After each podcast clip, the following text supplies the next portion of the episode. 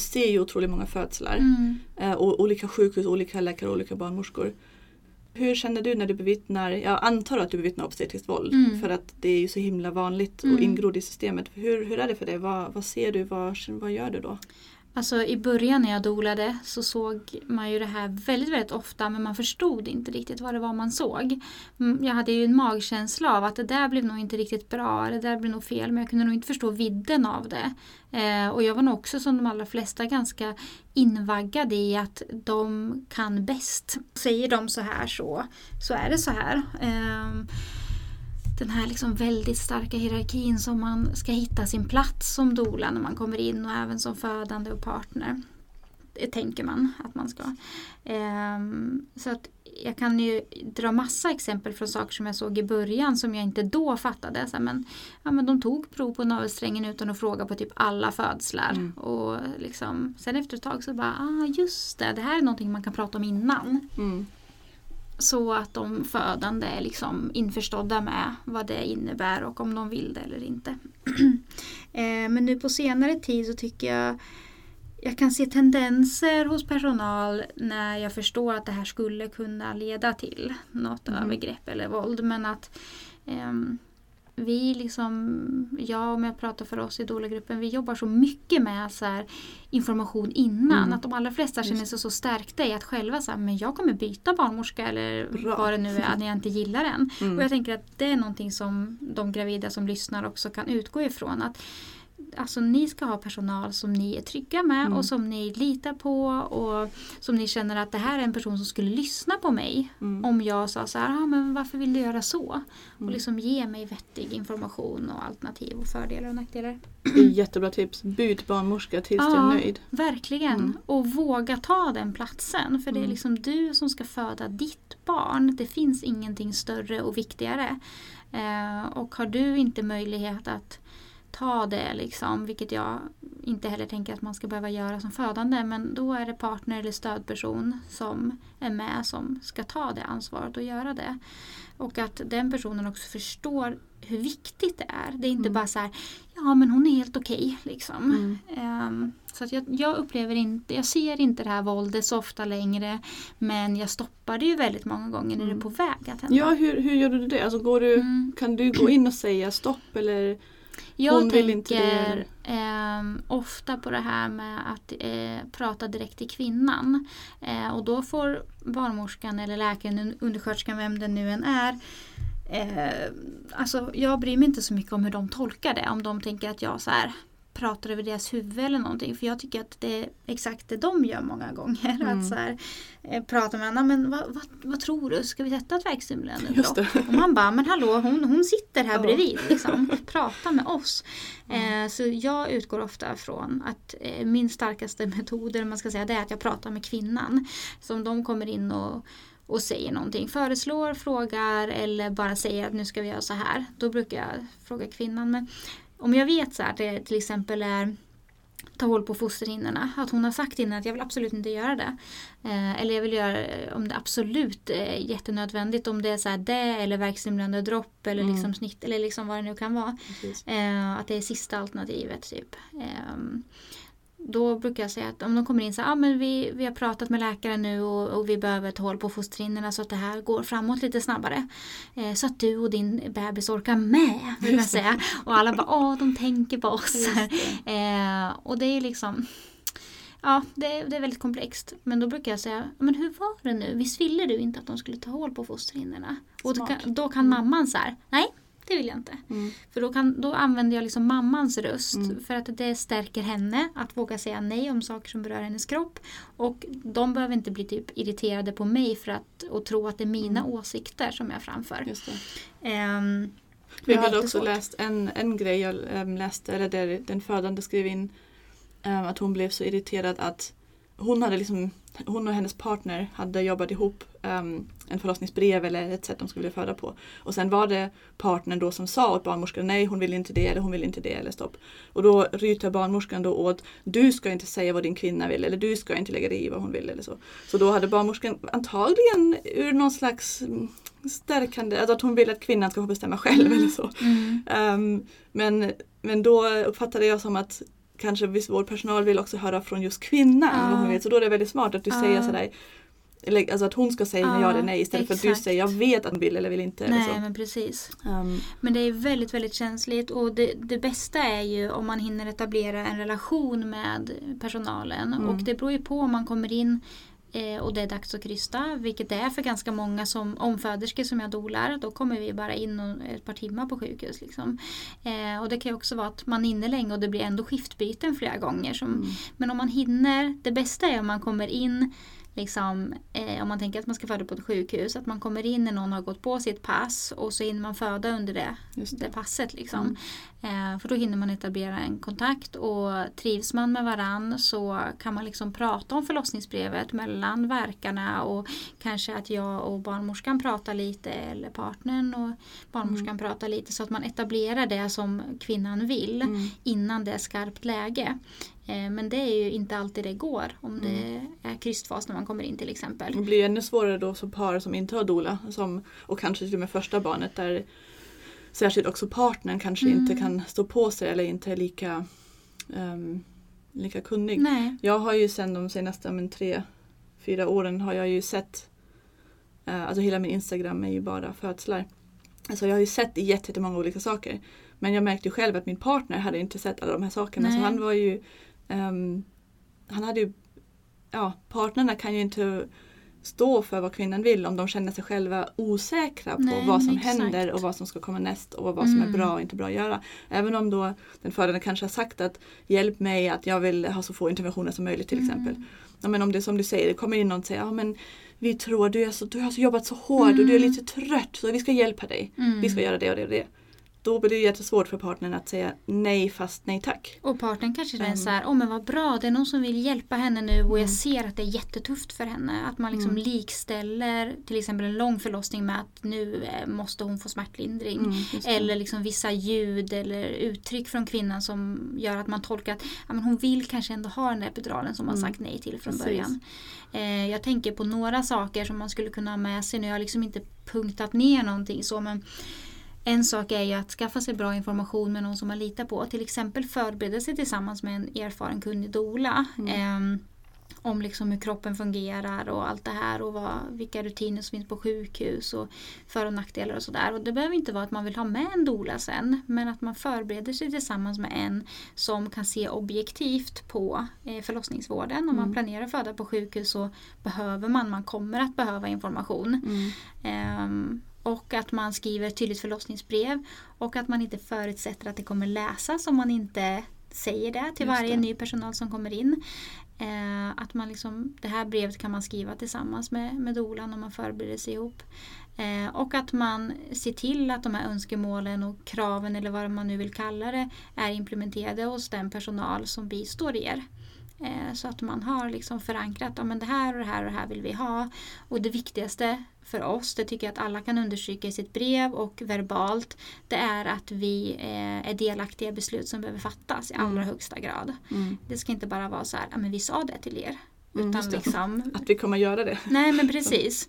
Ja. Eh, och jag tycker att eh, det är i alla fall när jag är med, jag kan inte se det när jag inte är med, men att många ändå så här, ja men självklart liksom, att eh, vi, vi kommer inte göra någonting som ni inte vill.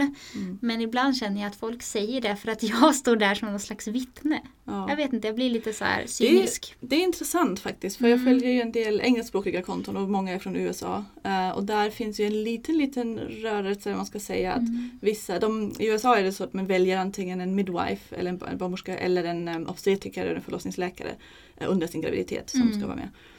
Eh, och då finns det vissa um, förlossningsläkare då som skriver att man inte får ha med doula annars får man inte gå hos dem.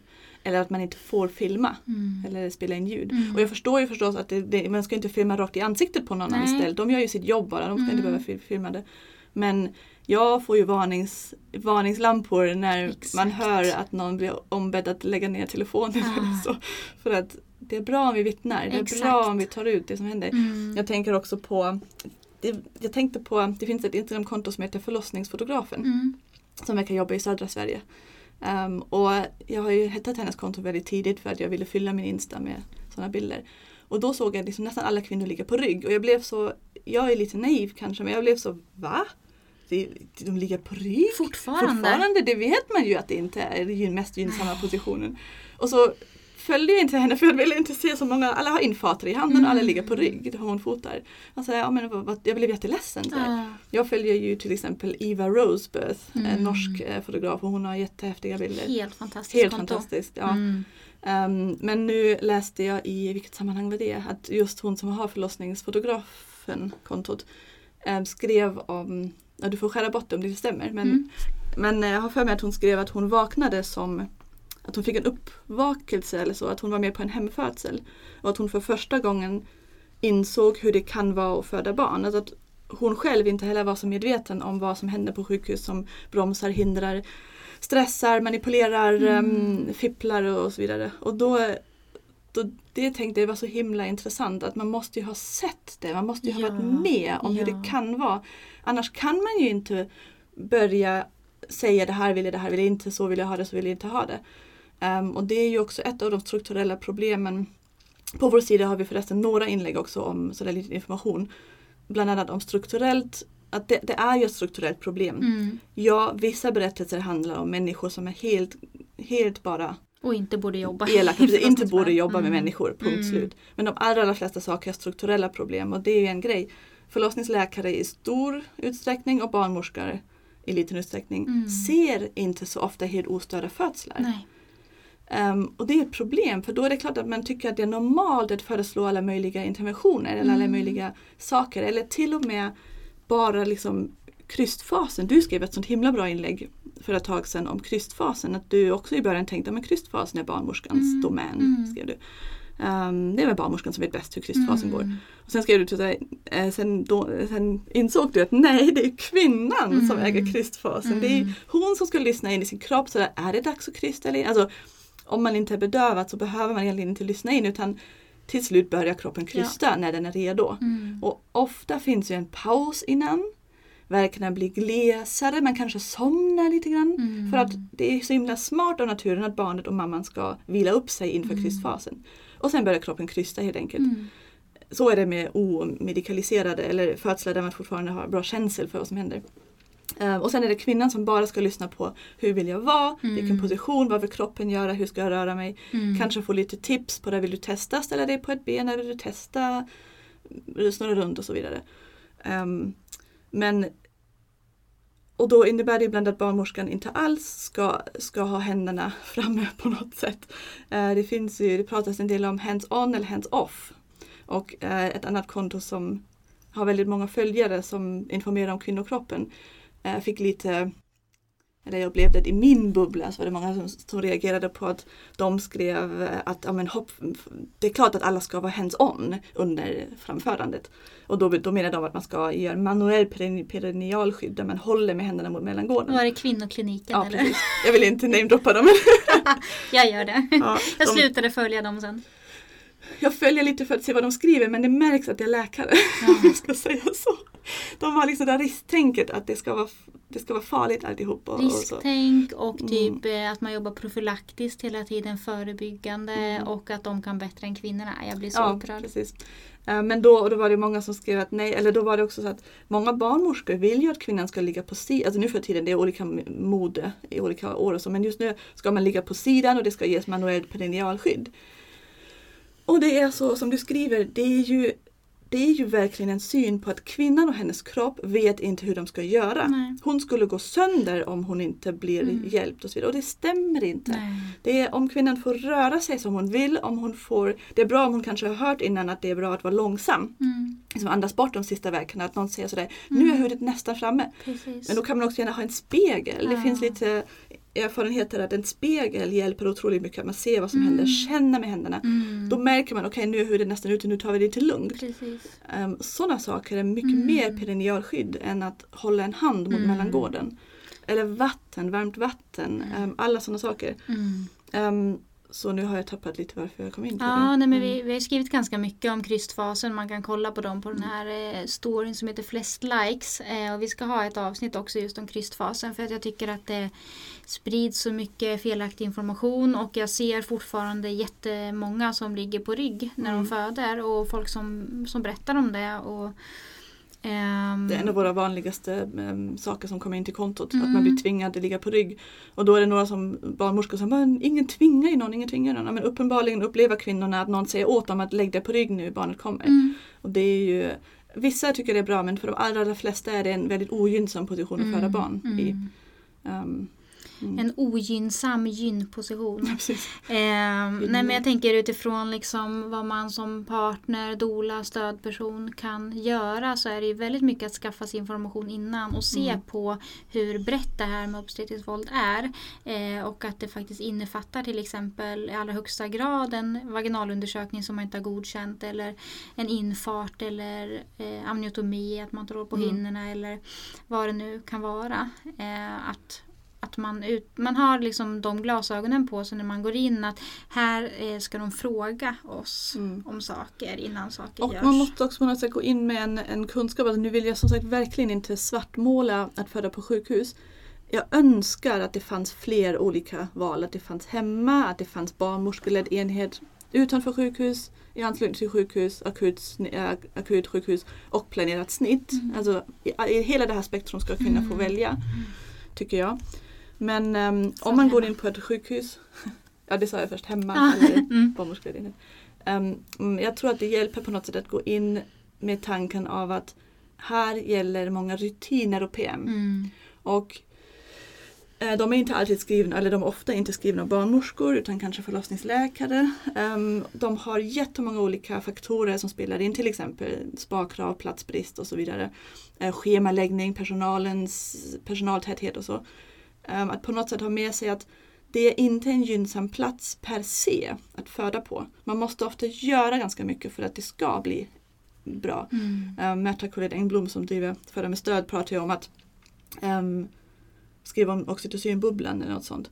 Att man måste, ehm, man måste göra rummet till sitt. Mm. Ta gärna med grejer, ta med kuddar som ni har. Ta med ljusslingor, ta med värmljus, alltså sådär elektriska värmeljus. Flytta sängen, ställ i ett hörn. Mm. Ehm, flytta bort maskiner Mm. eh, om det går, så länge de inte sitter i någon sladd eller så. Ehm, gör rummet till ditt och tänk på att vi måste aktivt jobba för att sjukhuset ska bli en plats där kroppen, däggdjurskroppen, Mm. kvinnan, ska få släppa sin oxytocin och, och föda på ett bra Mm. sätt. För alla de här bromsarna, när man bara åker in och, och då bromsas det på så många sätt och sen blir det komplikationer, sen blir det interventioner, sen blir det till slut ett utfall som inte som ja, men skador eller att barnet är medtaget eller sådana saker. Eh, Men det är ju också Samtidigt så vill man ju inte att man går in med massa adrenalin i blodet. Man vill inte gå in i en, en kamp. Att man ska inte gå in och tänka nu ska vi kämpa Nej. mot alla. Eh, För då får man ju massa adrenalin som Mm. stoppar oxytocinet. Så att, Mm. ehm, kvinnorna, egentligen är kvinnorna just nu i en sits där det bara är dubbelbestraffning och dilemman. Mm. Alltså, typ oavsett vad man gör så, så um, är det svårt. Nu blir det Mm. jättedeppigt här. Det ska inte bli så deppigt. Nej, men jag tänker så här, och jag, jag nämnde några saker som man kan göra och jag tänker det här med att göra rummet till sitt också är en jättebra grej. Eh, men jag tänker att man verkligen ska fundera igenom var är jag trygg? Och vad behöver jag för att känna mig trygg? Och jag vet att hon, Debra eh, Pascalli, eh, hon eh, pratade om att så här, men Skriv ner tio saker som ökar ditt oxytocin och gör fem av dem varje dag fram till födseln. för att vänja kroppen vid att frisätta oxytocin. Ehm, det tyckte jag var väldigt bra. Och sen att ju mer man claimar rummet där man ska föda, oavsett vad det är, desto mer eh, kan liksom personal få känslan av att här är ju någon annans space. här precis. behöver jag be om lov. På samma sätt som många upplever att man är i sin egen sfär när man kliver ner i, en, i ett bad. Eh, att, som Märta också pratar om, att man har ett rum i rummet. Eh, och att det, det gör att mm, ja, människor runt omkring behöver liksom vara lite mer inkännande och försiktiga. Och man kan inte bara klampa in i ett rum där det är liksom nedsläckt elektriska ljus, lugn musik, kanske jag vet att någon hade med sig någon sån här luft, eh, som puffade ut liksom, vad heter det? Ren luft liksom. Så här, lite ånga typ. Um, alltså, man kan inte bara klampa in där och bara lägg dig på rygg. Det liksom... Och just du nämnde badet, det som är så fint med badet är ju att man är privat också. Alltså alla kan inte se allt. Eh, och jag, som när man, vi är ju däggdjur, när vi vill födas så vill vi gärna vara privata och älskade Mm. och avskärmade och, Mm. och så. Så det, det är ett hett tips. Att Mm. man, man blir verkligen, när man är i ett badkar så är man bara i pool. Mm. eh, Så är man verkligen äger det där utrymmet helt själv. Man kan ofta ta med, alltså dels blir det lite vanligare nu när det äntligen har släppts en officiell tillåtelse Mm. att, ehm, att använda vatten under förlossningen på sjukhus. Men man kan ofta ta med sig en pool. Det Mm. tror jag många inte vet. Att man Nej, kan precis. hyra en pool eller köpa en pool och ta Mm. med till förlossningen Mm. och ställa upp den i duschen. Ehm, Exakt, så länge de går in i badrummet så brukar det inte vara några problem att få godkänt att ta med en. Mm. Ehm, men det brukar ju vara en sån här lite mindre pool då. Mm. Ehm, men jag tänker att det är ganska många som ändå kontaktar oss eller frågar så här, men får man? Och på Mm. mitt sjukhus får man inte. Ja. Och så här, jag, bara, jag vill bara säga att man får visst. Det är Ja. ingen som kan tvinga dig upp ur vattnet. Ja. Däremot så kan det bli eh, liksom komplicerat om du har en barnmorska som är jätteotrygg med att Mm. bistå en vattenfödsel. Men om du har kunskap och en stark vilja om att föda i vatten då finns det ingen som har rätt att lyfta upp dig eller Precis. lura upp dig på något sätt ur vattnet. Och då kan vi också försöka liksom säga, "Ja, men jag, jag hör att du inte är bekväm med att jag föder i vattnet. Finns det någon annan här som Mm. är det så kan Mm. vi byta. Mm. Uh, alltså byt barnmorska. Eller, eller också sätt ord på att jag Mm. upplever att du är rädd nu. Mm. Jag kan inte ha någon som är rädd Nej. när jag föder. Kan vi, jag vill byta. Eller att man har något tecken som man ger sin partner eller stödperson. Ja. Eh, att liksom, det här betyder att vi måste byta personal. Ja. Eller att någonting inte känns helt bra för mig.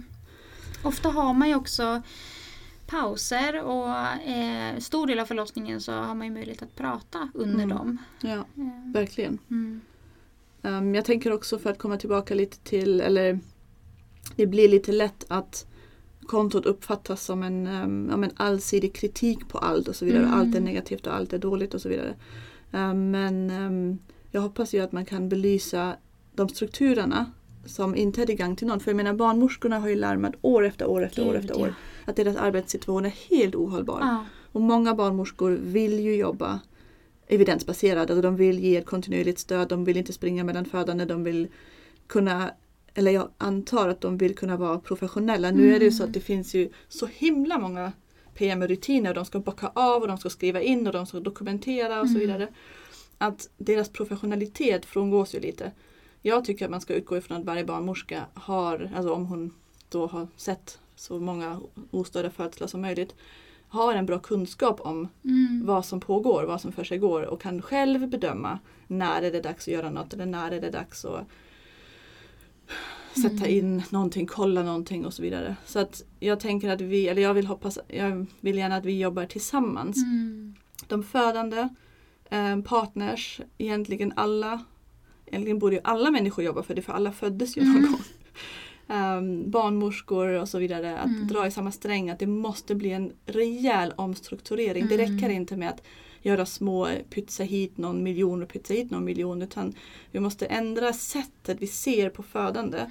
Och ehm, erkänna att det är en, eh, jag tror det kallas för key, ehm, key experience eller något sånt. Att I en människas liv så är när man föder barn eller är med när ens barn föds. ehm, det är en, en otroligt stor händelse oavsett om den blir positiv eller negativ. Och om vi kan ta tillvara på att göra allt för att den födande ska få bestämma fritt. Jag är också för att man ska få bestämma um, planerat snitt till exempel. Mm. Det är självklart att man ska få hemfödsel eller planerat snitt eller allt däremellan. Mm.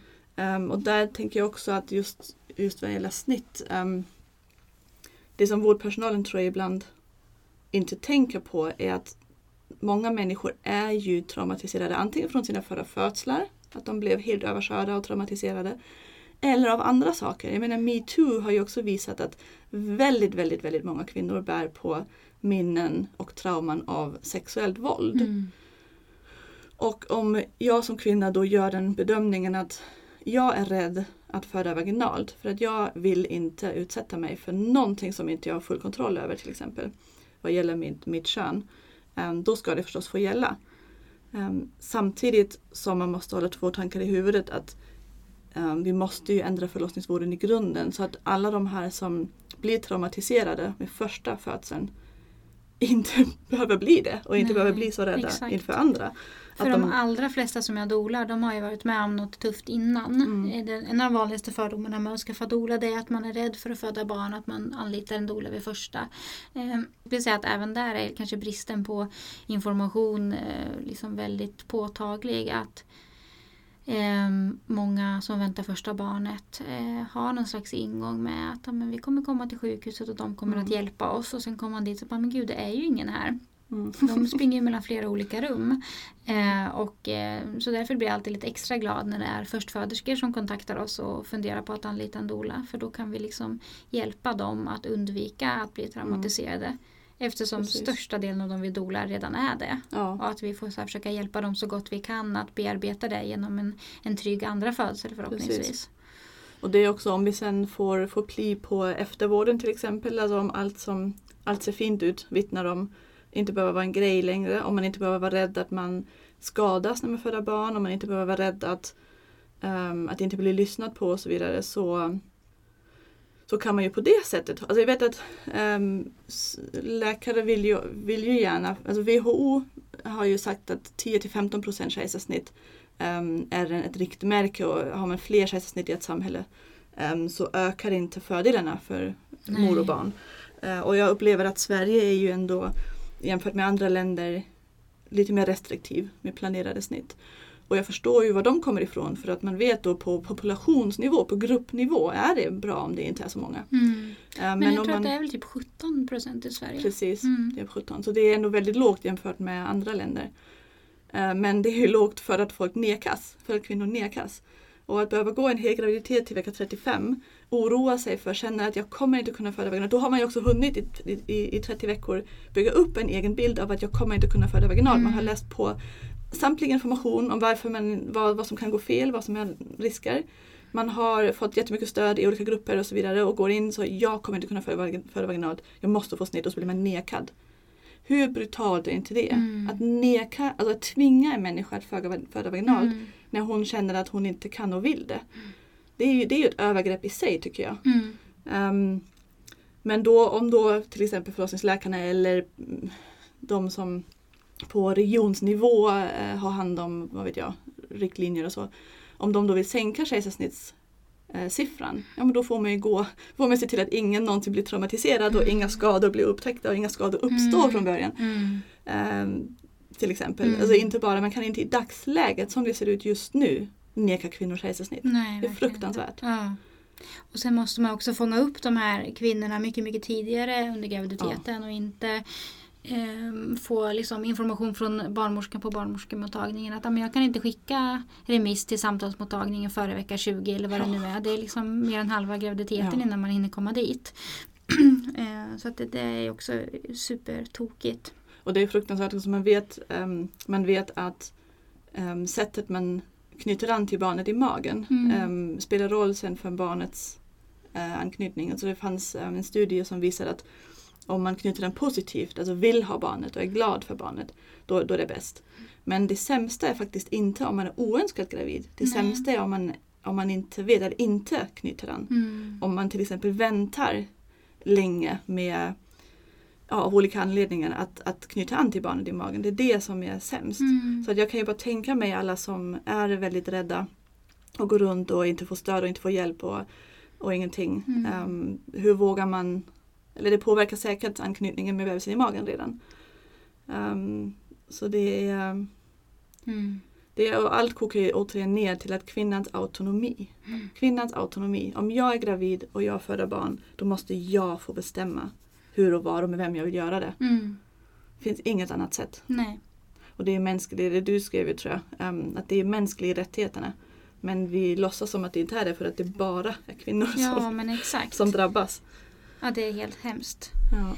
Eh, jag tänker att de som eh, inte har varit vid födslar innan, om man väntar första barnet eller om man som dola inte har så mycket erfarenhet så är det också väldigt, väldigt svårt att eh, ta sin plats och säga ifrån och ifrågasätta.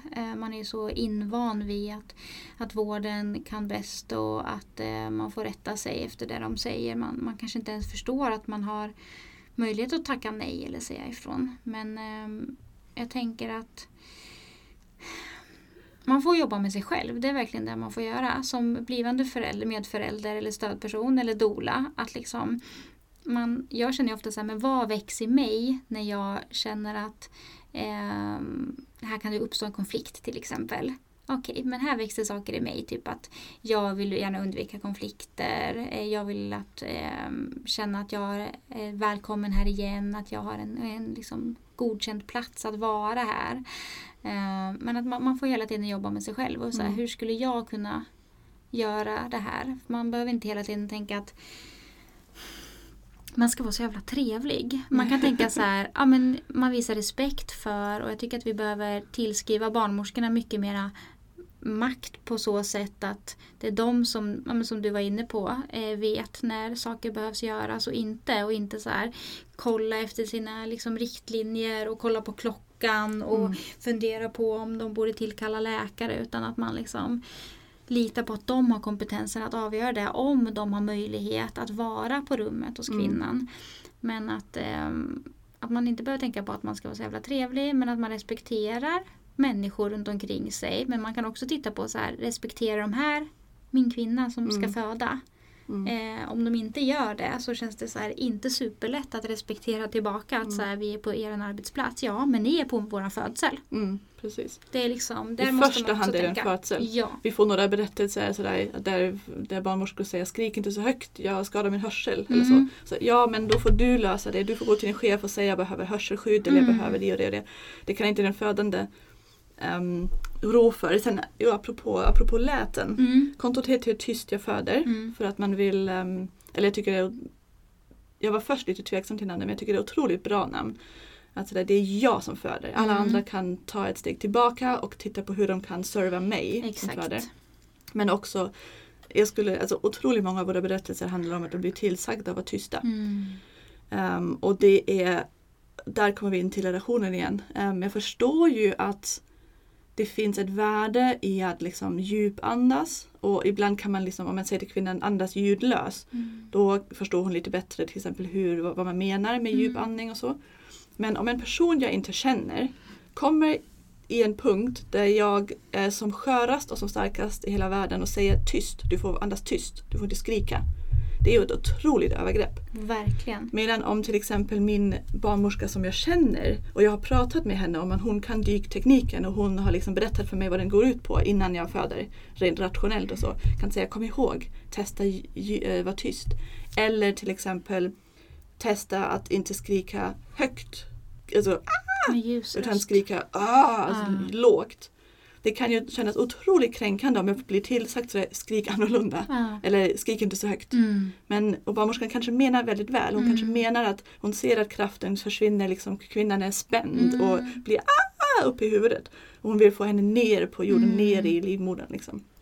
Men det är um, återigen, om de hade känt varandra precis. så hade mamman förstått varför. Och det är det med, med, med respekten och med ja, du, du, måste hela tiden det som du måste hela tiden fundera på hur kan det som jag vill få fram tas emot. Mm.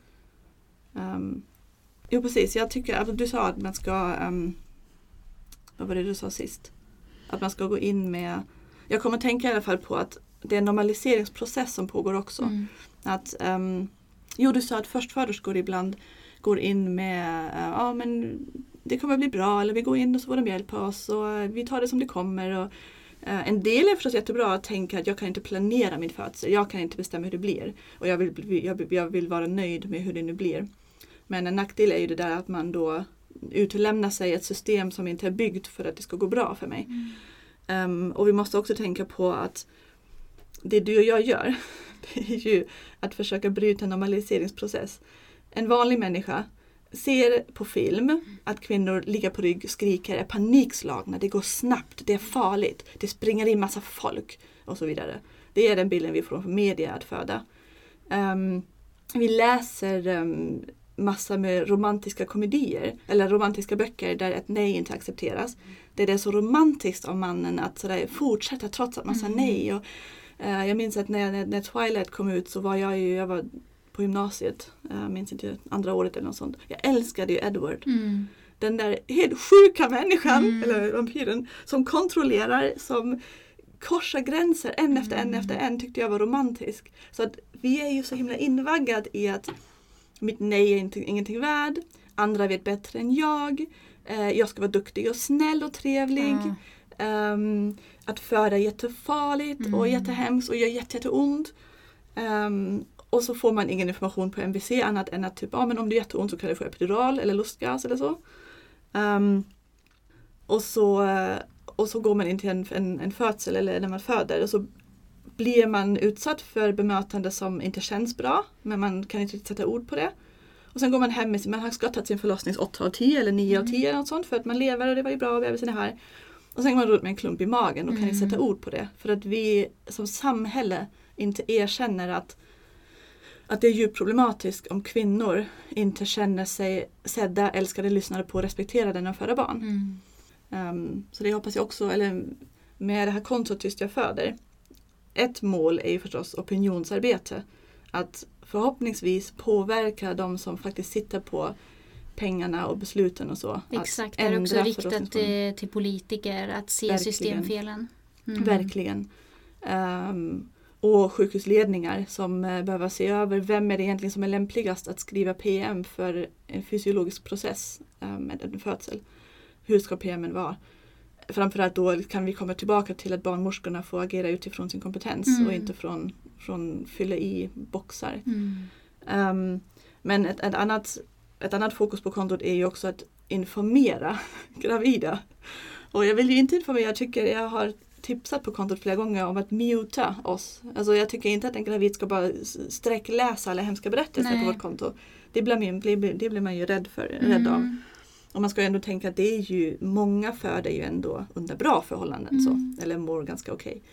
Ehm, men vi måste få ut informationen om att du har rättigheter, det är så att du får, du bestämmer, det är du som äger din förlossning. Eh, läs på om alla de här eh, grejerna som kan hända dig om du vill säga ja eller nej till det. Och sen när det har hänt något, straffa inte dig själv, ta inte skulden. Nej.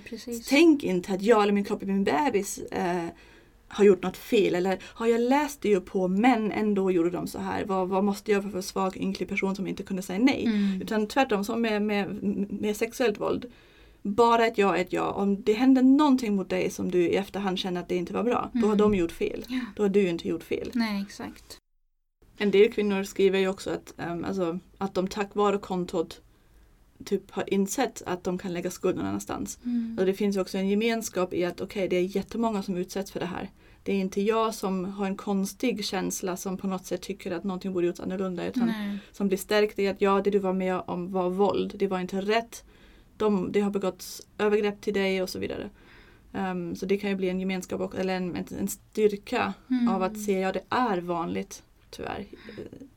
Jag tror att väldigt många liksom förnekar det här för att det är ju på något sätt att erkänna att vi kvinnor fortfarande är liksom lägre liksom rankade eller man ska säga. Längre Mm. ner i hierarkin än män generellt. Jag tror att många av den anledningen inte riktigt vill erkänna det här felet. För det är Mm. liksom som att säga att ja, men vi är mindre värda fortfarande.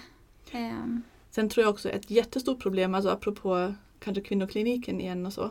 Um, problemet är ju att det är ju flest kvinnor som jobbar inom förlossningsvården. Och alla bär ju med sig erfarenheter. Ehm, de flesta, eller många, har ju fött barn själv. Um, partner, mammor, vänner, alltså oavsett vem den gravida pratar med eller möter har de ju ofta egna kroppsliga erfaren och, och psykiska erfarenheter. Och eftersom det då ändå är rätt så många som traumatiseras eller negativa upplevelser och går runt med en känsla av att jag kunde inte, min bebis kunde inte, vi behövde räddas eller, eller ehm, mm. jag hade dött eller så. Mm. Då blir det också så himla svårt att då blir det så svårt att ta ett steg tillbaka och säga att ja just det, det där är faktiskt fel. Det är Mm. faktiskt fel att utsätta någon för så många interventioner så det blir sugklocka till slut. Liksom. Eh, när man egentligen tänkte att sugklockan räddade mitt barns liv. Mm. Och jag tänker på kvinnokliniken, Instagramkontot kvinnokliniken, det är ju tre läkare. Eh, och de fick frågan hur de hade fött eller något sånt. Mm. Då skrev de, ja som de flesta, några snitt, några sugklockor, några... eh, Alltså så radade de upp liksom alla möjliga saker. Och då tänkte jag att ja, men om ni på, på tre kvinnor, jag vet inte hur många barn de har, har varit med om alla de här sakerna. Då är det jättesynd om er egentligen. Det, det, det, mm, Men då det är den där normaliseringsprocessen, att Ja. då, då ifrågasätter man inte om det verkligen skulle behöva vara så. Nej. Utan då tänker man att det var bra att någon kunde sätta syrklocka på Mm. mitt barn, annars hade vi kanske dött. Mm. Och så går man själv som förlossningsläkare och tänker att den här personen behöver en syrklocka, stackars Mm. hon ligger och krystar och Mm. det händer ingenting och hjärttonerna går ner. Ehm, Jag tycker att det är att sätta sig själv på väldigt höga hästar. Eh, helt ärligt. Jag, jag tycker att man ska vara väldigt kritisk eh, och titta på de här sakerna. Verkligen. Det Eh, skriver ju också hon, um, Märta Kulled Engblom att när hon födde sitt första barn eh, då hade hon epidural. Och hon, jag vet inte, var hon barnmorska? Nej, hon, jag tror Nej. inte hon var färdig då. Men hon, skri, hon, hon har ett blogginlägg om, ehm, det heter typ kropp, ja. Nej, jag vet inte. Hon har ett blogginlägg om det där, där hon skriver att efter att hon födde barn med epidural så sjöng hon epiduralens lovord. Hon berättade för alla hon kände att det är så bra och det gick så bra och det var så fint och det var så bra. Så bra med epidural. Ehm, för att i den stunden så blev hon hjälpt av det och, och kunde inte ta ett steg tillbaka och tänka, har någon kanske utsatt mig för en behandling som ledde till att jag kände att jag vill ha en epidural? Ehm, så det är det som är så himla känsligt Mm. med det här i förlossningsvården. Att alla har egna erfarenheter, egna trauman. Ehm, Om man inte har bearbetat dem Mm. så kan man heller inte hjälpa andra på bästa tänkbara sätt. Precis, och då kanske hjälper man, då tänker man att man hjälper. Om man kanske själv har fått barn och haft otroligt ont. Då kanske man tror att man gör det bästa för kvinnor om man Mm. hela tiden tjatar eller frågar efter smärtlindring. Ehm, man, vill, man vill kvinnans bästa Mm. men man förstår inte att det allra bästa skulle kanske vara om vi hade om det här rummet såg annorlunda ut, vi hade draperier framför alla medicinska utrustningar och hon hade träffat mig innan. Eller så. Ja, precis. Och jag hade möjlighet Mm. att vara där hela tiden. Precis, Mm. precis. Eh, Det var här om eh, månaden var det också en norsk förlossningsläkare som skrev en em, i min bubbla uppmärksammad ja, jag vet inte, debattartikel eller uttalande där han ber- bad om ursäkt Ja, till alla kvinnor han var med och de, de första antal år Mm. när han jobbade. Han har jobbat i 20 år tror jag och det var Mm. nyligen han, han kom på att när han kommer in då, det är en komplikation, ett bebis har dåliga hjärtljud, det hotar um, ja, um, liksom, eh, syre, um, dålig syresättning. Så kommer han in med syrklockan och ropar 1, 2, 3 tryck, 1, 2, 3 tryck. Och det de ser, det han såg var liksom att verkarna blir svagare, svagare, svagare, avtar. Han höjer droppet, droppet, droppet och förstår inte vad som händer. Och han skrev då att han då på senaste år har insett att det här, det kommer in en ny person eh, och gör något i kvinnans underliv som hon inte vet. Kommer, kommer med en eh, atmosfär av att det är någonting komplikation, alltså att det är någonting farligt på gång. Mm. Det gör att hennes kropp stänger ner Ja. och inte får nya verkar. Mm. Och det skulle jag vilja se. Jag önskar att jag kunde se något i Sverige. Att svenska barnmorskor, förlossningsläkare och undersköterskor, vem som helst, ja. kunde officiellt erkänna att sig, eller Barnmorskeförbundet, de har gjort det i och för sig. Um, jag tror både Mia Ahlbom och eh, Eva Nordlund har skrivit att, eller Mia Ahlblom tror jag hade skrivit sådär. Jag har, hon radade upp alla saker hon hade gjort Mm, som egentligen är obstetriskt våld. Det. Eh, och, och det tycker jag är jättebra. Jag tycker att vi måste börja med att vårdpersonal också erkänner att det är sant, det vi gör är inte alltid det bästa för kvinnan och hennes kropp. Även om det är i all välmening vi kan göra det. Mm. Eh, vi gör det. Jag tänker på en vän som jag pratade med häromdagen som hade varit i kontakt med, eh, med hjärtvården. Och hon, eh, vi kom in och pratade om det här med, med förlossningsvården också. För hon sa att tänk om det vore så här fantastiskt som det, vore, som det var där. Eh, under hela vistelsen där så fanns det någon vid hennes huvud som förklarade vad som hände och varför och hjälpte henne med andningen. Hela processen. Mm. Man bara, men va? Ja. Alltså jag blev så här helt chockad. Bara, wow, vilken fantastisk vård. Alla så lugna, trygga, pedagogiska, kompetenta, proffsiga. Alltså, bara, ah, ja, det är ju patriarkatet. Ja, Jätteproblem har ju Ja. även män. ja, men exakt. Man bara, men ja, just det, det är kvinnor som föder. Ja. Nej. Men jag kan ibland bli lite, alltså jag, jag tycker ju att även vid kejsarfödslar borde det, det, det reformeras mycket. Man kan göra så mycket mer för att göra en kejsarfödsel familjevänlig, barnvänlig, eh, kvinnovänlig och så vidare. Mm. Eh, Jag längtar ju efter när vi kommer se um, sänkta draperier och mammor som själv är med och tar ut sina barn och så. Men jag kan ibland få en liten, liten styng när jag läser att någon beskriver sin kejsarfödsel som sådär Åh, och alla var på plats och välkomnade mig och det vore min musik och de sänkte ner ljuset och de pratade och förklarade allt i varje steg. Då kan jag bli sådär Ja fast det är så synd att du måste, alltså att, att det finns bara vid kejsarfödslar. Att mm. det inte finns i vanliga förlossningsvården. Mm. För att det är det man skulle behöva. Exakt. Varje kvinna som kommer in ska, som ska få ja. barn. Inte bara hon som ska opereras. Nej. Utan alla måste få den här jättemycket folk som står typ till ens fötter och ja, vill att välkomna barnet. Välkomna den. Och, Heja på. Ja. Så Håller. Mm. Ja, nu vet jag att det finns traumatiska kejsarfödslar också men ibland finns det sådana och då tänker jag ja, det där förtjänar ju alla mm. som föder. Oavsett mm. födslosätt. Ja, ska vi avsluta på något sätt? Alltså jag vill, på no jag vill ju, det är väldigt viktigt för mig att det inte blir en, en deppig känsla bara för att vi har sagt allt som är fel med förlossningsvården. Och um, ja, det finns en risk att även om du läser på, även om du gör allt du kan i förväg, att det ändå blir negativ upplevelse. Men den risken är ändå mindre än om du bara tar det som det kommer. Mm. Eh, så att jag vill på något sätt skicka med att om vi nu blir högljudda och kräver annorlunda. Också att kan inte alla som just nu går på MVC bara skri låt dem skriva i era journaler att ni vill ha lugn och ro, att ni vill känna, att liksom, kan vi börja kräva saker mm. allihopa. Um, jag hoppas att barnmorskorna kan ni komma ut och säga vi vill inte jobba så här, vi vill inte vara en del av maskineriet som ta in och ut kvinnor på löpande band så snabbt som möjligt eh, och inte hinna gå på toa emellanåt ens. Alltså kan vi få kan vi få omvandla den här lite deppiga summeringen som vi gjorde nu till kampglöd. Ja, verkligen. Någon slags då, eld som eh, ja. driver oss framåt. Och framförallt, nu är det ju flest kvinnor som lyssnar på er podd mm. antar jag, men det som jag kan ibland bli lite uppgiven av är att det är ju den sämsta tänkbara populationen för att bedriva förändring. För ja. att man har snart eller redan fått ett litet barn och har ingen tid och ork och kraft alls att driva saker. Nej. Så jag tror det är lite därför också att olika upprop startar och dör. För att vem orkar driva någonting när man har små barn mm. egentligen? Mm. Så att kan inte ni alla som lyssnar säga till era partner att snacka med sina kompisar att skriva insändare, att um, skriva i förväg till klinikerna mm. till exempel. Vi kommer föda barn om tre månader. Eh, hur många badkar har ni? Eh, kan man föra i vatten? Eh, vad har ni för statistik på hur många timmar eller minuter en barnmorska är på rummet innan hon måste springa ut igen? Mm. vad bla, händer bla, bla, om jag vill föda i vatten och era PM säger att jag inte får? Precis, mm. var, alltså liksom bara, bara vara jättebesvärlig. Kan inte mm. alla andra som inte är gravida mm. eller inte har en ny bebis mm. göra det? Mm. Tack ja. jättemycket. och alla, alltså vi pratade om det här i, i senaste avsnittet som vi släppte med Fredrik att männen också behöver ta sin plats i ja. det här för att vi behöver dem också. Ja.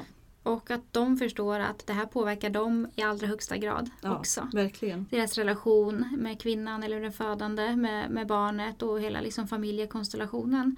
Ja. Så att vi, alltså männen och partners behöver också prata om det här och att det här kommer fram. Att det inte är så här, nej men det är väl så det är. Liksom. Utan sätt på er de kritiska glasögonen och syna de här systemfelen som är så tydliga och verkligen inget hittepå. Mm. Mm. Tack snälla Malin för att du kom tillbaks. Ja, tack för att vi kunde prata. Ja, men man kan ju verkligen prata många, många timmar om det ja. här ämnet. Man skulle ju vilja dra liksom fler exempel, ännu fler saker som man kan göra. Lyssna på avsnitt sju tänker jag säga, för då mm. drar Kristina också en del exempel på vad som är obstetriskt våld. Exakt, avsnitt sju och sen i avsnitt åtta pratar hon lite om vad man eh, skulle kunna göra det här med att det behövs finnas eh, nationella riktlinjer ja, och, och, så vidare. Precis för en mer jämlik eh, vård. Tack alla lyssnare, vi hörs snart igen.